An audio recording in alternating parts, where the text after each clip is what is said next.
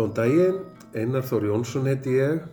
Ég er uh, þróskaþjálfi og líðhelsufræðingur og ég hef uh, unni mikið við kennslu og er kennaramentaður og mitt aðalstarfi í dag er að vera framkvæmdastjóri Háaf Ísland.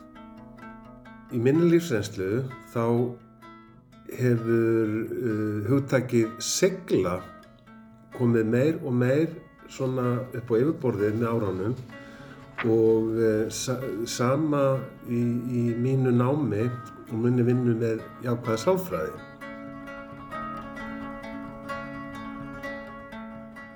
Fóraldrar og, og uh, uppeilandur í dag tala um að það þurfa að þróa hvernig hægt er að uh, auka seglu meðal ungs fólks og barna.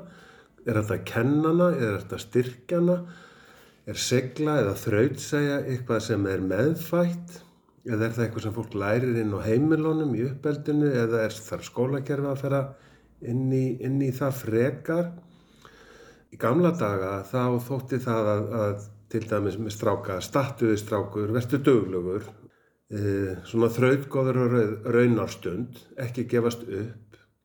Í fátækt og fábreytni dagana hér áður fyrr þegar fólk e, til dæmis átti mjög mörg börn og stundum dó fyrirvinnan og alls konar hluti sem gáttu gerst þá var fólk oft í mjög erfiðum aðstæðum og erfiðri stöðu og það var kannski ekki eitthvað sem fólk gæti ímynda sér að myndi líða hjá og lagast þetta eru varst að aðlaga þig að aðstæðum eins og það eru komið fyrir og reyna að gera það besta úr því sem að þú hafðir.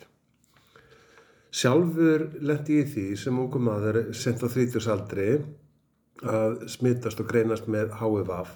Það var dauðadómur í þá daga og kannski var ekki auðvelt að tala um um seglu í því uh, samhengi eða með það markmiði að það myndi eitthvað svona lagast og breytast. Heldur það var meira að lifa af eins og hlutirni voru í þann daginn eða á þeim tímabilnum og það var kannski svipa og margir svona erfileikar í gamla daga. Í dag aftur á móti þá lítur þetta einhvern veginn öðruvísu út. Við vitum miklu meira, við tölum um bjargráð, hvernig gæti við mögulega auki seglu, það er að auka félagstróska fólks og barna, auka félagstengst, vera þakklátari fyrir það sem við höfum í okkar daglega lífi og, og, og í okkar aðstæðum, reyfingatalinn góð og fleira og fleira sem við vitum sem getur aukið seglu og svona skilning á og innsæi á aðstæðum annara. Það þarf að rannsaka seglu betur, segla er greinilega og ég, ég tala ekki um núna á COVID-tímum. Fólk veldur þessu aldrei meira fyrir sér núna. Hvað er það að vera með góða seglu?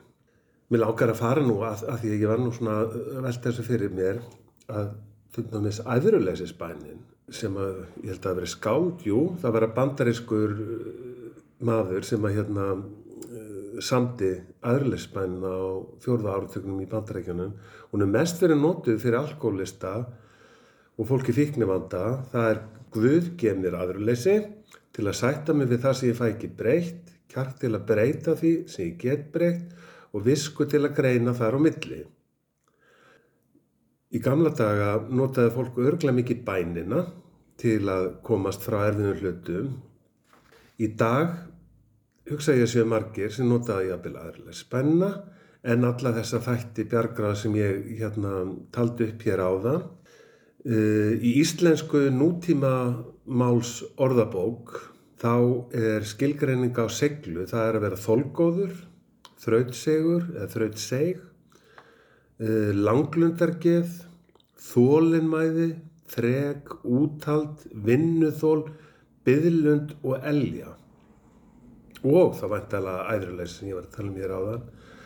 En hvað við gerum og hvað hendar okkur best sem einstaklingum til að auka seglu vegna þess að það er alveg greinilegt að segla er eitthvað sem er mjög eftirsoknavert að hafa í sinu fari, ebla, vinna að og hlúa að. Amma saði við mig í gamla daga, gaktu í hlutina eins og hross og mér finnst það alltaf eitthvað sem að á ágætlega við mig og ég hef stundum hugsað um það að maður segja maður sér hestur á hlaðinu eitthvað staðar og svo átt að fara að draga eitthvað þungt klass eða fara í ganga eða hlaupa langa vegalengd, þá bara byrjar. Og þú ert ekkert að hugsa hvað er á leiðarenda, hvernig verður leiðin, hvað tekur þetta langan tíma og hvað verður erfið. Þú bara byrjar, þú lappar af stað eins og hross. Og það er ágætt. Og við erum ekkert að velta því sem framöndan er of mikið fyrir okkur. Takk fyrir.